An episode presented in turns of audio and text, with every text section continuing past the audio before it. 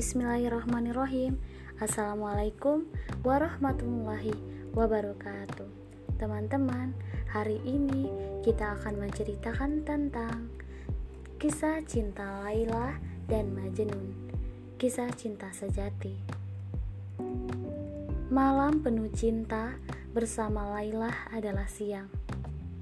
Hari-hari berlalu begitu cepat kala bersamanya. Bersama Laila Penjara adalah surga Firdausku.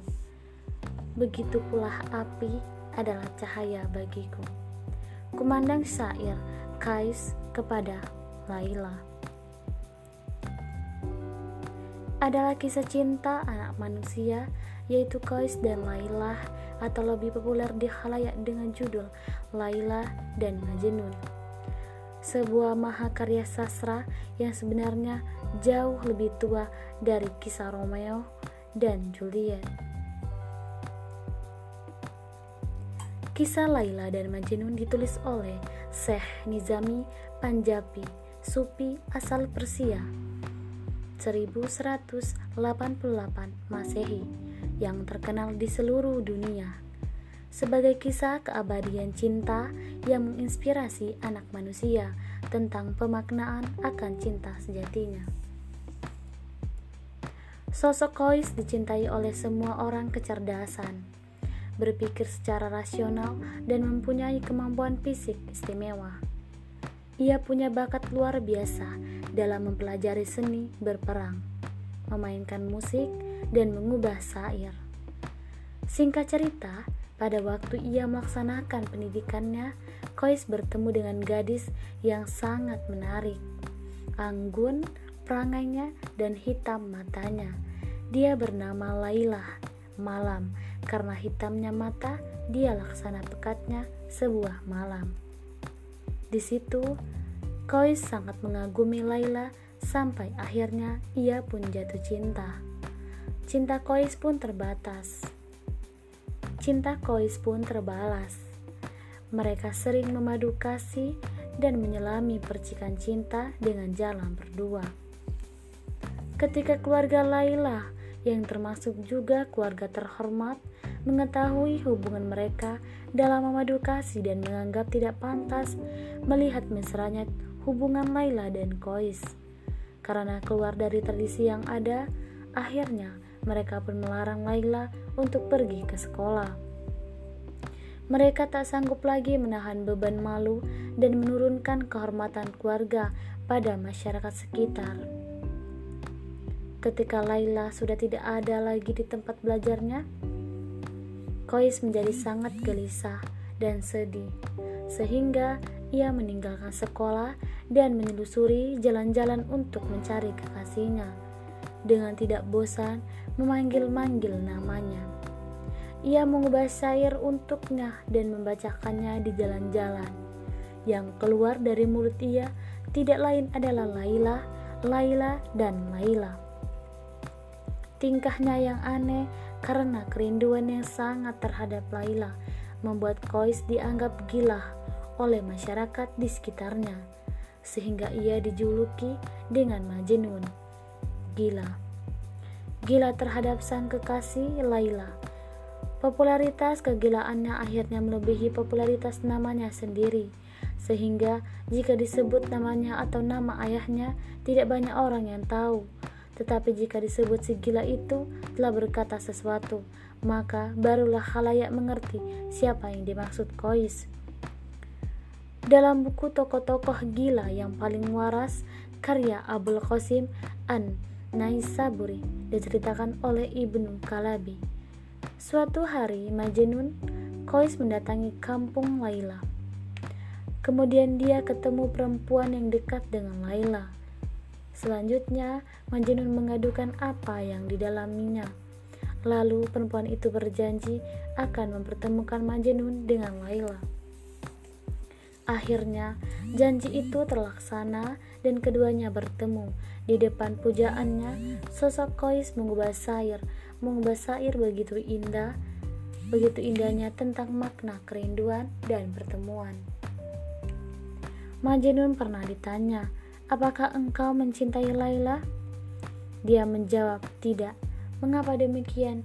Dia menjawab, karena cinta disebabkan oleh pandangan mata, dan sungguh karena penyebab itu telah tiada, maka aku adalah Laila dan Laila adalah aku. Dalam sebuah kesempatan, Majnun menemukan sebuah tempat di puncak bukit de dekat desa. Laila dan ia membangun sebuah gubuk untuk dirinya yang menghadap rumah Laila.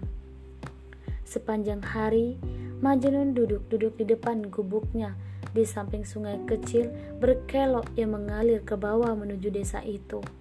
Ia berbicara kepada air, menghanyutkan dedaunan bunga liar dan Majnun merasa yakin bahwa sungai itu akan menyampaikan pesan cintanya kepada Laila.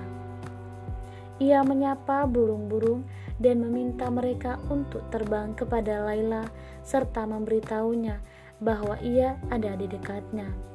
Ia selalu menghirup angin dari barat yang melewati desa Laila dengan penuh perasaan yang mendalam. Diceritakan juga pada waktu ada seekor anjing tersesat yang berasal dari desa Laila. Ia pun memberinya makan dan merawatnya, mencintainya seolah-olah anjing suci, menghormatinya dan menjaganya sampai tiba saatnya anjing itu pergi. Majnun menganggap segala sesuatu yang berasal dari tempat kekasihnya, maka ketika ia mengasihi dan menyayanginya secara otomatis sama seperti ia mengasihi kekasihnya sendiri, yaitu Laila. Diceritakan Al-Asmu'i, aku diberi diberitahu bahwa kerabat Kois yang gila itu berkata kepada ayahnya, "Carikan seorang dokter. Barangkali dia bisa mengetahui penyakit Kois." Kemudian dokter pun didatangkan untuk mengobatinya. Namun, dokter mengalami kesulitan sehingga menyerah dan meninggalkannya. Akhirnya, Kois pun bersair. Ingat wahai dokter, engkau pengobat badan. Kasih, kasihanilah badan yang tinggal kekasihnya. Hanya cinta Laila obat hatiku yang merana. Aku penuhi panggilanmu, wahai penyeru kau panggil aku dengan lemparan batu. Niscaya ku penuhi panggilanmu, jiwaku takkan meninggalkanmu lantaran penghinaanmu. Tetapi hanya inilah yang badan mampu menanggungnya. Ketika kabar tentang kematian Laila menyebar ke segala penjuru negeri, tak lama kemudian berita kematian Laila pun terdengar oleh Majnun. Mendengar kabar itu, ia pun jatuh pingsan di tengah-tengah gurun Sahara dan tetap tak sadarkan diri selama beberapa hari. Ketika kembali sadar dan siuman, ia segera pergi menuju desa Laila.